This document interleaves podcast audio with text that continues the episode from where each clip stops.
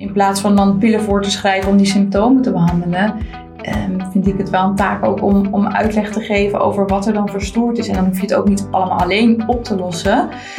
Um, maar dan kan je wel gerichte doorverwijzen naar een diëtiste. Um, of als mensen heel slecht slapen en daardoor overdag gaan snaaien, dat je ze naar een slaaptherapeut stuurt. Mm. Ik heb ook wel mensen in de praktijk die, die continu een hele snelle ademhaling hebben, die daardoor heel veel stress mm. hebben, die daardoor ook aankomen of in ieder geval niet afvallen. Ja. Um, en door op zo'n manier te kijken naar problemen, kan je dus ook veel gerichter naar de oplossing mm. Leuk dat je luistert naar de Healthy You, Happy You podcast. Ik ben Noor, koolhydraatarm diëtist, voedingswetenschapper en oprichter van leefstijlpraktijk The Nourishing State. Met mijn podcast neem ik je mee in de wondere wereld van koolhydraatarme voeding en een gezonde leefstijl. Ik laat je zien dat het echt niet ingewikkeld hoeft te zijn en samen met mijn gasten motiveer ik je om die volgende stap te zetten. Stap voor stap naar een gezonde leefstijl waar jij blij van wordt. Hi Daphne, leuk dat je er weer bent. Wij hebben eerder een podcast opgenomen over jouw persoonlijke ervaring met leefstijl en hoe je dat op pad bent gekomen, hoe je dat geïntegreerd hebt in je huisartspraktijk. Ja. Doen niet heel veel huisartsen. Hoe ging dat toen jij dat bent gaan doen? Dat heb je al wel een beetje verteld in de andere podcast, maar je bent leefstijlcoaching gaan volgen. En hoe is dat toen ja, onderdeel geworden van de praktijk? Ja, nou op dit moment uh, pas ik het denk ik in 80% van de consulten mhm. toe. Ik ben echt op een andere manier naar nou, vooral de chronische aandoeningen gaan kijken. En niet zozeer naar de klachten en de symptomen, maar meer van nou, wat is nou een verstorende factor en hoe kunnen we daarmee aan de slag. Dus echt meer naar de basis en vanuit daar kijken hoe je die, uh, ja, hoe je die leefstijl weer kan verbeteren en de problemen echt kan aanpakken, zodat iemand weer metabool gezond wordt. Mhm. En je gaf ook in de vorige podcast aan dat de tijd van de consulten nu ook wat langer is, zodat je ook wat meer de ruimte hebt om dat door te vragen en uit te vragen. Ja.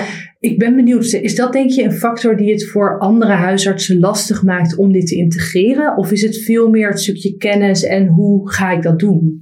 Ja, ik denk een combinatie. Hmm. Ja, tijd speelt zeker wel een rol. 10 minuten voor een consult is echt heel kort. Wil je wat dieper echt op de klachten ja. instaan gaan en zeker als je ook nog iemand moet onderzoeken.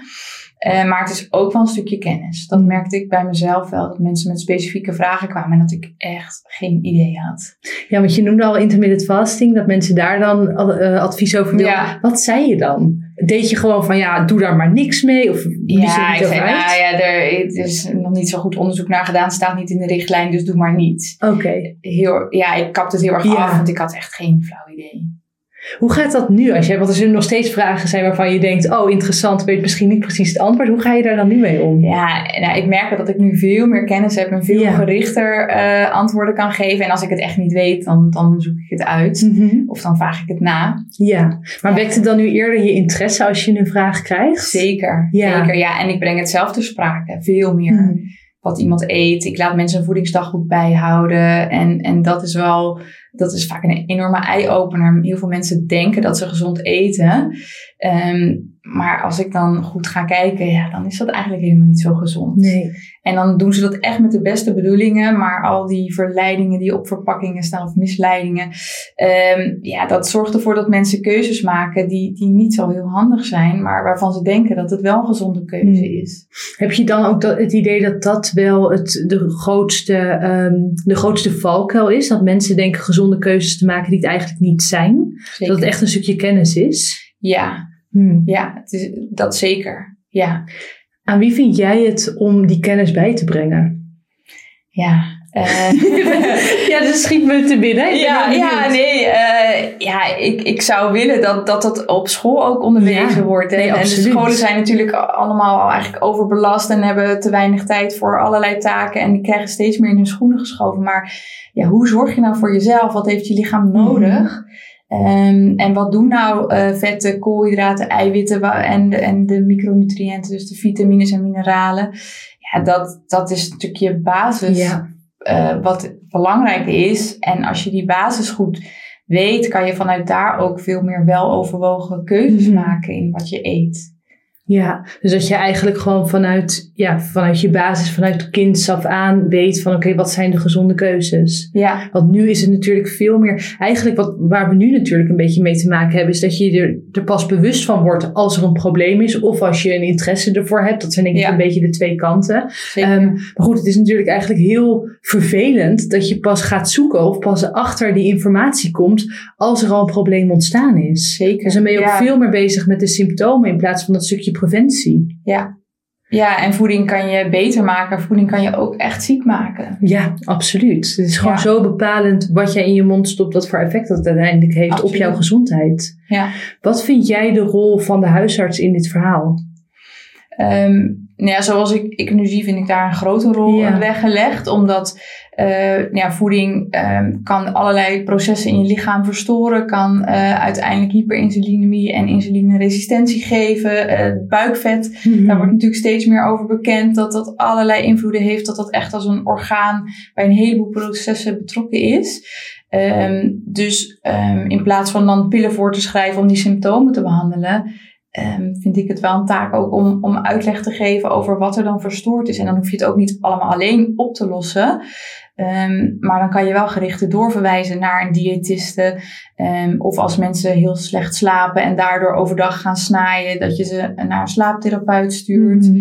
Ehm, en ik heb ook wel mensen in de praktijk die, die continu een hele snelle ademhaling hebben, die daardoor heel veel stress hebben, die daardoor ook aankomen of in ieder geval niet afvallen. Ja. Ehm, en door op zo'n manier te kijken naar problemen, kan je dus ook veel gerichter naar de oplossing Mm. toe. Ja, dus eigenlijk ehm, wat je dan dus ook zegt van oké, als jij meer met leefstijl bezig gaat, ben je dan dus ook meer aan het samenwerken, meer Ja. aan het doorverwijzen en aan het kijken van joh, waar ligt iemand expertise en wat heeft deze patiënt op dit moment nodig? Ja, veel gerichter. Ja. Ja, ja, en daar heb ik ook wel echt in geïnvesteerd. We hebben gelukkig nu ook een uh, GLI, dus een gecombineerde Mhm. leefstijlinterventie in Brielen, waarbij ik een kort lijntje heb met de leefstijlcoach. Ehm, maar ik eh, werk veel samen met een ergotherapeut die ook leefstijlcoach is. Een diëtiste die er op dezelfde manier over Mhm. denkt eh, als ik.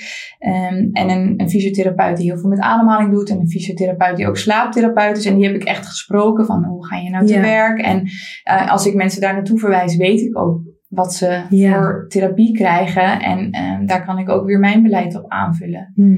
Ja, dus je hoeft het echt niet allemaal alleen te doen. Maar het is echt wel die andere bril, die andere kijk op die patiënt, wat, eh, wat helpt. En daarin is wel de huisarts eh, bepalend. Ja, Eh, want sommigen ja. gaan heel erg snel door naar, oké, de suiker is iets verhoogd, pillen erin. Mm. En eh, uiteindelijk alleen maar ja, eigenlijk achter de feiten aanlopen, want je doet niks aan de oorzaak. Ja, dus eigenlijk, want je zegt ook van oké, enerzijds dat stukje tijd, want de consulten zijn gewoon kort en we hebben weinig tijd, we hebben Ja. een druk. Maar wat je dus ook zegt van oké, je, hoeft, je hoeft het niet alleen te doen. Weet je, dus ook om wel al te kijken van oké, wat, wat gebeurt er qua leefstijl? Waar ligt de hulpvraag bij de patiënt? En welke professional kan ik daar dan vervolgens aan koppelen? Ja. Dus dat neemt denk ik ook dat, dat stukje tijd als probleem wel al deels weg, toch? Ja, zeker. Ja. Nee, en daarin is ook nog een stukje eh, rol van, voor de gemeente, voor de Ja. welzijnsorganisaties. Want in heel veel gemeenten is daar ook heel veel voor. En eh, waar we het in de vorige podcast over gehad hebben, over het stukje zingeving. Als Mhm. mensen heel erg eenzaam zijn, gaan ze ook minder goed voor zichzelf Ja. zorgen. Gaan ze minder eh, goed koken, ehm, meer snijden. Ehm, dus ook daar ligt een stukje dat je mensen naar eh, activiteiten kan verwijzen. Of naar een welzijnscoach of welzijn op recept. Ja. Maar dat is wel maatwerk. Bij de een is dat eh, eh, een andere route dan bij de ander.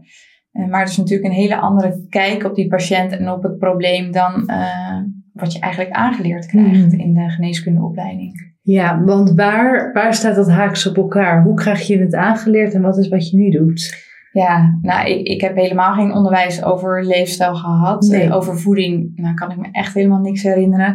Maar gewoon echt niks. Nee. Het enige wat ik me kan herinneren is Ja. dat je, je moet zes keer per dag eten, want dan hou je je suikerspiegel stabiel Hmm. en dan hou je die motor draaiende. Hmm. Oké. Ja. Ja, en, nee, en verder ehm, ook de rol van slaap en ontspanning. Ja, daar krijg je eigenlijk helemaal niks over. Je krijgt wel over de, de pathofysiologie, dus hoe ziektes ontstaan, maar niet zozeer van hoe draai je dat dan om. Ehm, het is heel erg gericht op de farmacotherapie, dus op, op Ja. de medicatie, op aanvullend onderzoek. op interventies uiteindelijk ingrepen doen om klachten te verhelpen. Maar heel weinig uh, om echt aan de basis uh, de problemen aan te pakken. Preventie te zitten. Ja, En, en het staat wel in de richtlijnen dat je voeding en beweging moet bespreken. Dan wordt leefstijl eigenlijk gezien als voeding, beweging en middelengebruik. Nou, wat mij betreft is het veel meer. Ja. Um, maar als er al iets in staat, dan is dat. En dan zijn er twee zinnen, je moet dat bespreken. Maar, maar hoe? Maar en hoe, wat? En wat? Ja. Geen idee. Hmm. Nee. Ik blijf me daar echt over verbazen. Omdat, ja. kijk, als je bezig bent met het menselijk lichaam en met gezondheid en met mensen beter maken, hoe kan er dan niet een grotere rol komen voor wat jij in je lichaam stopt? Dat is toch de, dat is toch de essentie? Dat is toch waar het allemaal begint? Ja, ja je bent wat je eet. Ja, toch? Ja, nou is er wel echt een beweging gaande nu. De laatste Ja, jaren ja. merk ik wel echt, toen ik vijf jaar geleden me er heel erg in ging verdiepen, was dat nog minimaal. Eh, maar je merkt wel echt, en je hebt nu ook, ja, je hebt de Vereniging Arts en Leefstijl die heel Mhm. actief is, maar je hebt ook studenten en leefstijl. Eh, er worden congressen georganiseerd, er is echt wel heel veel interesse. Ja. Dus er is wel een beweging gaande. Zeker. Dus ik ben wel positief gestemd Ja, oké, daarin. gelukkig. Dan ik ook. Ehm, Ja. wat, wat is het doel van die beweging? Zeg maar, waar, idealiter, waar, waar staan we over tien jaar? Waar willen we naartoe? Ja, nou wat mij betreft eh, zouden we dan de, de, niet meer de symptomen gaan behandelen, maar echt meer naar de oorzaak gaan kijken. En eh, kijken hoe je eh, die, die verstoringen in de fysiologie bij de kern kan aanpakken. Ehm, en daar wordt dus wel een hele leefstijlanamnese bij van wat, wat doet iemand, eh, waar woont iemand. ehm, maar ook een stukje, ook de financiële problemen. Als je enorm veel stress hebt, ja, dan, dan is een stukje zingeving natuurlijk heel lastig. Dus dan moet je Mhm. eerst dat aanpakken. Ehm, en dat is ook wel wat bij de positieve gezondheid natuurlijk heel veel aandacht krijgt. Van, ja, hoe kan je omgaan met alles wat er op je pad komt. eh, en dat je daar meer begeleiding in Mhm. krijgt. Zie jij het onderdeel worden van de studie geneeskunde? Ik hoop het. We zijn positief gestemd, Ja. maar de, ja, Ja, eh, uiteindelijk kan het toch niet anders? Zeg maar zeker, want nou ja, wat wij beide merken, die beweging die wordt steeds groter. Dus ik denk ook zeker dat het een soort van bottom-up eh, aanpak is. Dat je nou ja, cliënten, patiënten tegenkomt, waardoor je denkt, oké, misschien moet ik daar toch eens wat mee. Ehm, dus dat er dan ook steeds meer artsen enthousiast over raken, of door collega's. ja. Dus uiteindelijk zou daar toch wat in gaan, daar komen toch verschuivingen in. Ja, dat komt er zeker, ja. Ja, maar het is wel, het is wel, de praktijk is wel weer barstig. Ook die, dat hele curriculum ligt li- redelijk vast. Ja. Ehm, en is toch wel heel erg gericht op ziekte en behandeling. Hmm. En ik zou echt nog die stap daarvoor willen maken. Wat maakt nou dat iemand ziek wordt? En ehm, er wordt ook wel heel erg in hokjes gedacht. Ja. Ehm, elk specialisme eh, heeft weer allemaal subspecialismes. Mhm. En iedereen kijkt naar zijn eigen orgaan of een stukje van een orgaan. eh, of orgaansysteem. Ehm, terwijl heel veel verschillende aandoeningen hebben eigenlijk dezelfde Mhm. basis. Ja. En, en wel, welke aandoening je uiteindelijk krijgt hangt van je genen af. En hangt van de, ja, wat je eerder hebt gehad en de manier waarop je opgegroeid bent. Maar uiteindelijk is die basis hetzelfde. En zo leren we helemaal niet kijken naar problemen. Nee.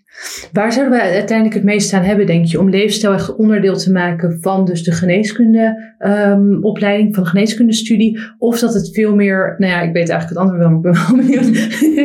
Ehm, of om het een ander specialisme te maken en dat daar, of wat, is haalbaarder, denk je? Ik geloof dat we veel meer hebben aan puur dat er gewoon in het curriculum brengen en dat het onderdeel wordt, dat iedere arts ja, voldoende weet over leefstijl. Ja. Maar goed, dat is misschien ook een log gebeuren en dat gaat misschien niet zo snel als dat we zouden willen. Zie je het dan eerder gebeuren dat artsen zich gaan specialiseren op leefstijl zoals nu eigenlijk al het geval is? Ja, dat zie je wel gebeuren, maar ik zou liever hebben dat elke arts wel een Ja, basiskennis eens. heeft. Ja. Dat je echt ook nou echt op een andere manier naar die patiënt kijkt. ehm, en dat je vanuit daar naar de oplossing gaat zoeken.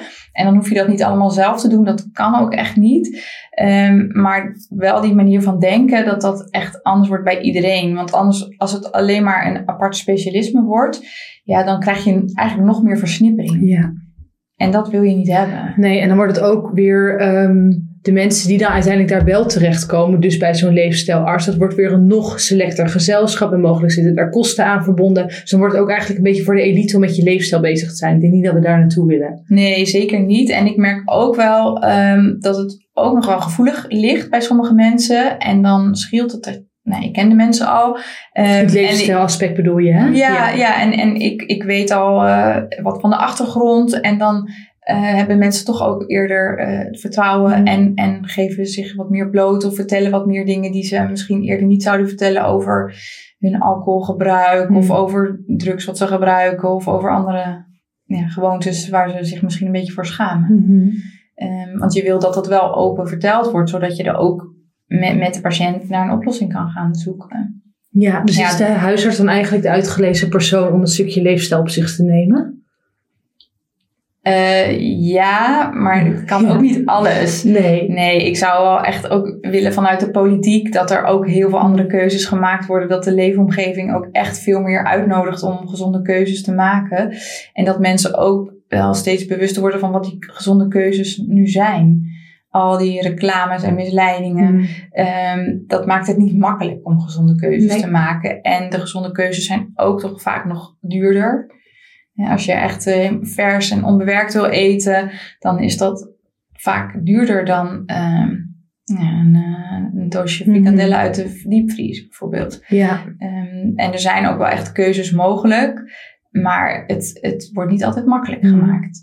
Nee, dus er ligt een, bepaalde verantwoordelijkheid enerzijds bij de gezondheidszorg en hoe kunnen we ervoor zorgen dat we uh, patiënten ook meenemen in de, nou ja, in de kennis en de informatie en hoe maak je dus bepaalde keuzes en het ook behapbaar maken van hoe ga je vervolgens stappen daadwerkelijk zetten. Maar anderzijds dus ook de omgeving. Als het zo moeilijk wordt gemaakt en als het ook duur is om bepaalde keuzes te maken of betere keuzes te maken, dan ja. je, je wil niet dat gevoel hebben van het met de kraan open. Heb jij dat op dit moment? Uh, ja en nee. Hmm. Ik zie dat, dat het heel lastig is om, om die verleidingen te weerstaan. En zeker ook bij de pubers. Dat, er is zoveel en het is zo makkelijk ja. Om een ongezonde keuze te maken.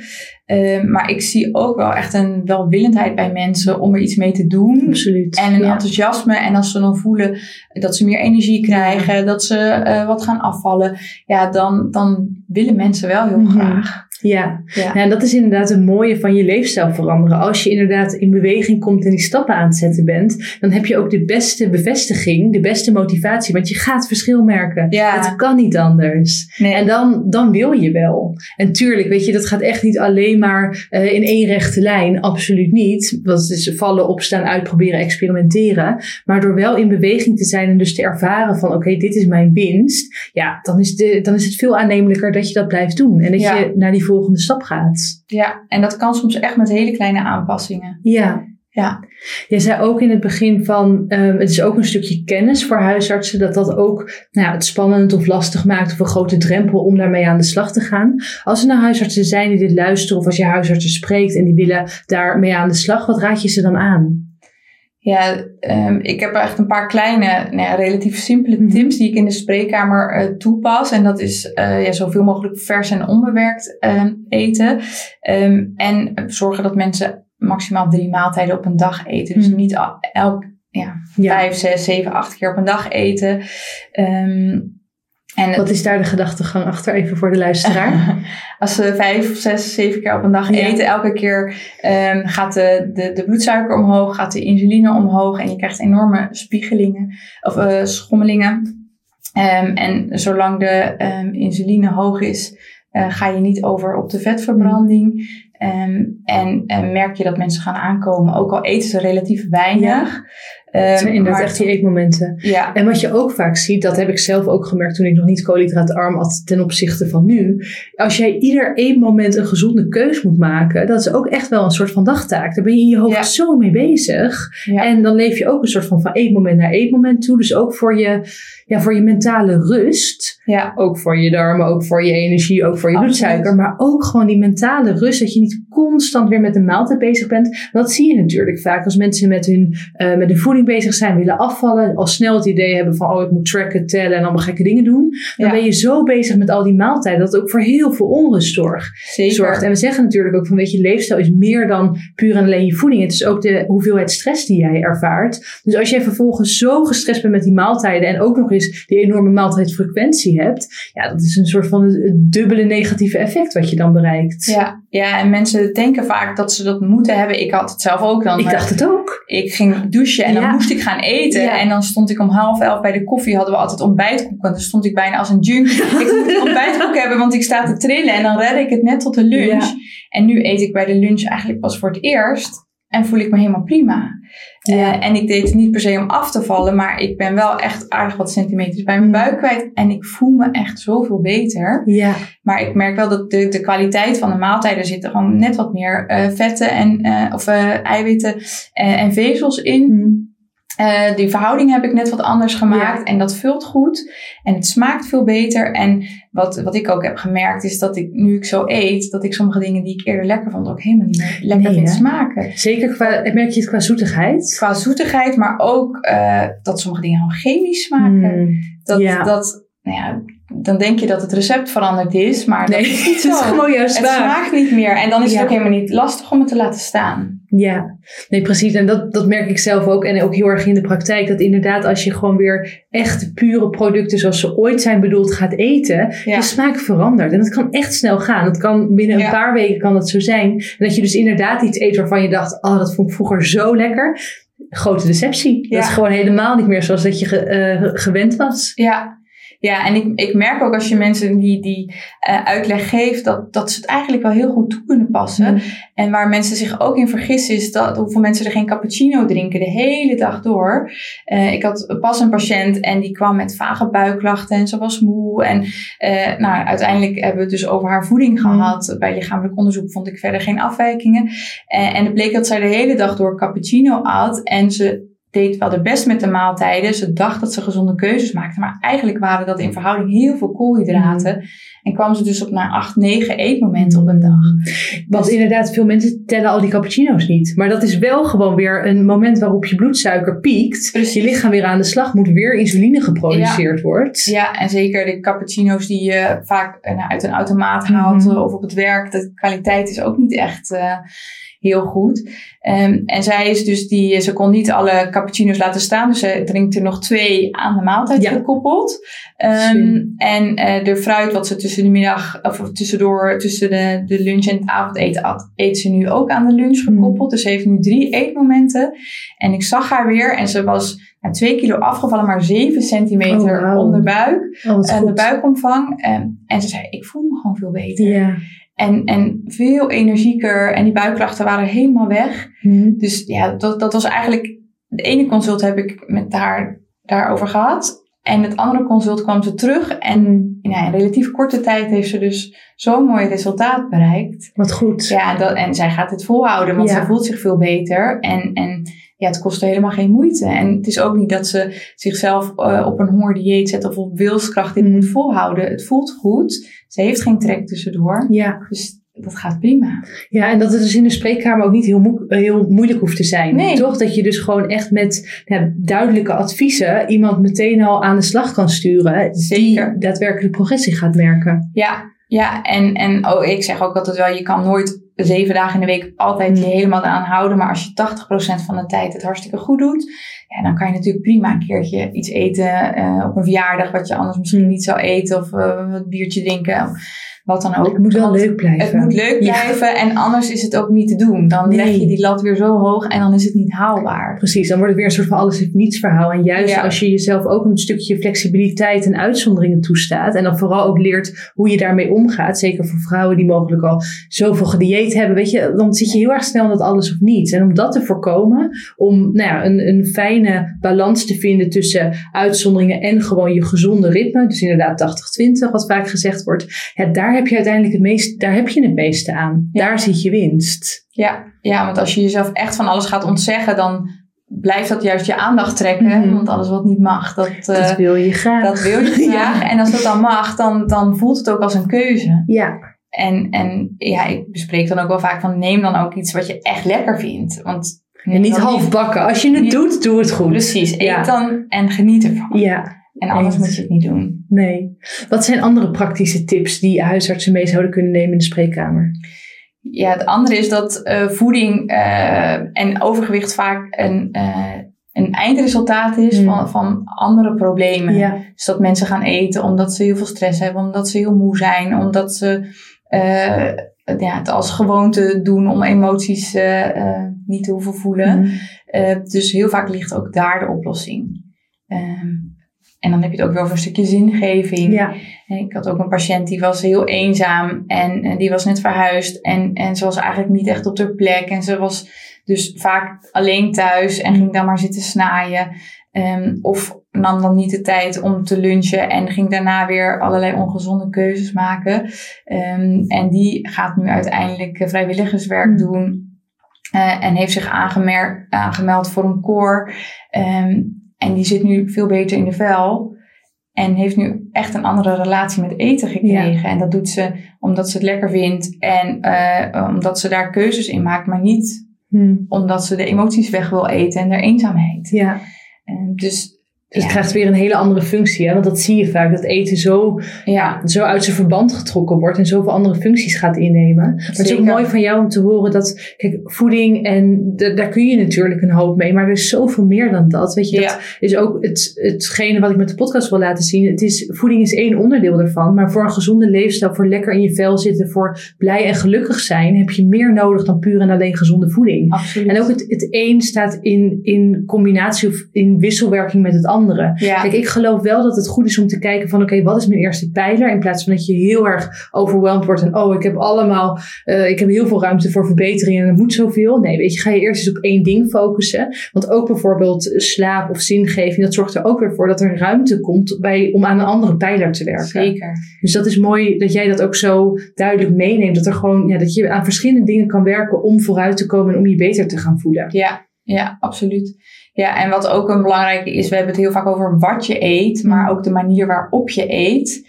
Eh, dat is ook een hele belangrijke. Hoeveel mensen er niet gewoon wat in hun mond stoppen terwijl ze iets anders aan het doen zijn, terwijl ze in de auto zitten, terwijl ze aan Ook het... gewoon lopend. Ik vind lopend eten, nou ik doe dat nooit. Maar Nee. ik, ik snap dat ook niet. Nee, je, nee. toch even je momentje. Ja, ja, maar er zijn ook mensen die hebben geen eens een eettafel meer in huis staan. Eh, en die eten alleen maar met het gezin op de bank. Ehm, en Oh. dat is ook een stukje waar ik me ook niet zo van bewust was. Maar Ja, hoeveel nee, mensen ook niet met het gezin aan tafel eten. Oh. Of oh ja, je kan ook alleen aan tafel zitten. ja. Ehm, maar dat je gewoon echt bewust aan het eten bent en koud en voelt. En Ja. in plaats van snel iets naar Ja, dat is ook binnen. voor je verzadiging. Anders dan duurt het heel lang voordat je verzadigd bent. Of ben je Zeker. überhaupt niet verzadigd. Als jij Nee. tv zit te kijken of je mobiel zit of andere dingen aan het doen bent. Ja, ja, en nou, vorig jaar waren we in een hotel op vakantie. En toen zat er dus een tweejarige, die zat voor een schermpje. En die werd gewoon gevoerd door zijn ouders. Terwijl hij alleen maar zo naar dat schermpje zit te Oh, kijken. Nou, ik vond het zo schokkend. Ehm, en dat gebeurt dus regelmatig. Ja. Die kinderen die, die, die kauwen niet, die proeven niet. Die zijn helemaal niet be- bewust met eten bezig. Nee. Ehm, ja, en dat stuk, ja, wat daarvan moet worden. En dat Mhm. als je dus vanaf jongs af aan al niet bewust eet. ehm, en dat het niet een gezellig moment is. eh, een moment waar je even nou ja, relaxed eh, de tijd neemt. Ja. Dat vind ik ook wel eh, een punt van aandacht. En Mhm. daar is eigenlijk weinig, wordt weinig aandacht aan besteed. Het gaat vooral over wat je eet, maar niet de manier waarop. Hm. Ja, en zeker als dat, dus dan komen we ook weer terug op dat stukje van oké, waar, waar gaat het mis? Of in ieder geval, waar zou extra aandacht moeten komen voor gezondheid, voor goed voor je lichaam zorgen? Wat heb je nodig? En dus ook dat stukje van oké, op welke manier eet je? Zodat er eigenlijk een mooie plek voor zou zijn in het basisonderwijs. Ja, Kijk, makkelijker gezegd dan gedaan, dat weet ik. Maar goed, het, ja. is, het is wel goed om te kijken van, oké, weet je, wat zijn de manieren om dit probleem aan te vechten? Want het is natuurlijk gewoon een supergroot probleem. We, nou, iedereen weet dat hier iets mee moet. ja. Dus ik denk ook dat het, nou ja, dat het wel interessant is om in gesprek te gaan van, oké, maar wat zijn dan... En er is niet één oplossing. Ik geloof dat er heel veel verschillende oplossingen zijn. Maar dat het dus interessant is om te kijken van, oké, wat zijn ja, verschillende invalshoeken hoe we hiermee aan de slag kunnen? zeker. Heb jij nog een laatste boodschap voor een zorgverlener of een huisarts of iemand die luistert en denkt ik wil dit ook meer in mijn spreekkamer ehm, nou ja, daar, daarover gaan hebben? Zeker als ze bijvoorbeeld ook die kennis willen gaan vergroten. Waar kunnen ze meer vinden? Ja, er zijn een heleboel bronnen. Um, de Vereniging Arts en Leefstijl heeft een heleboel mooie nascholingen die ook echt praktisch zijn uh, voor artsen. Er zijn ook een heleboel podcasts. Um, en ja, wat vooral belangrijk is, ga ermee aan de slag. Ja. Ga het doen.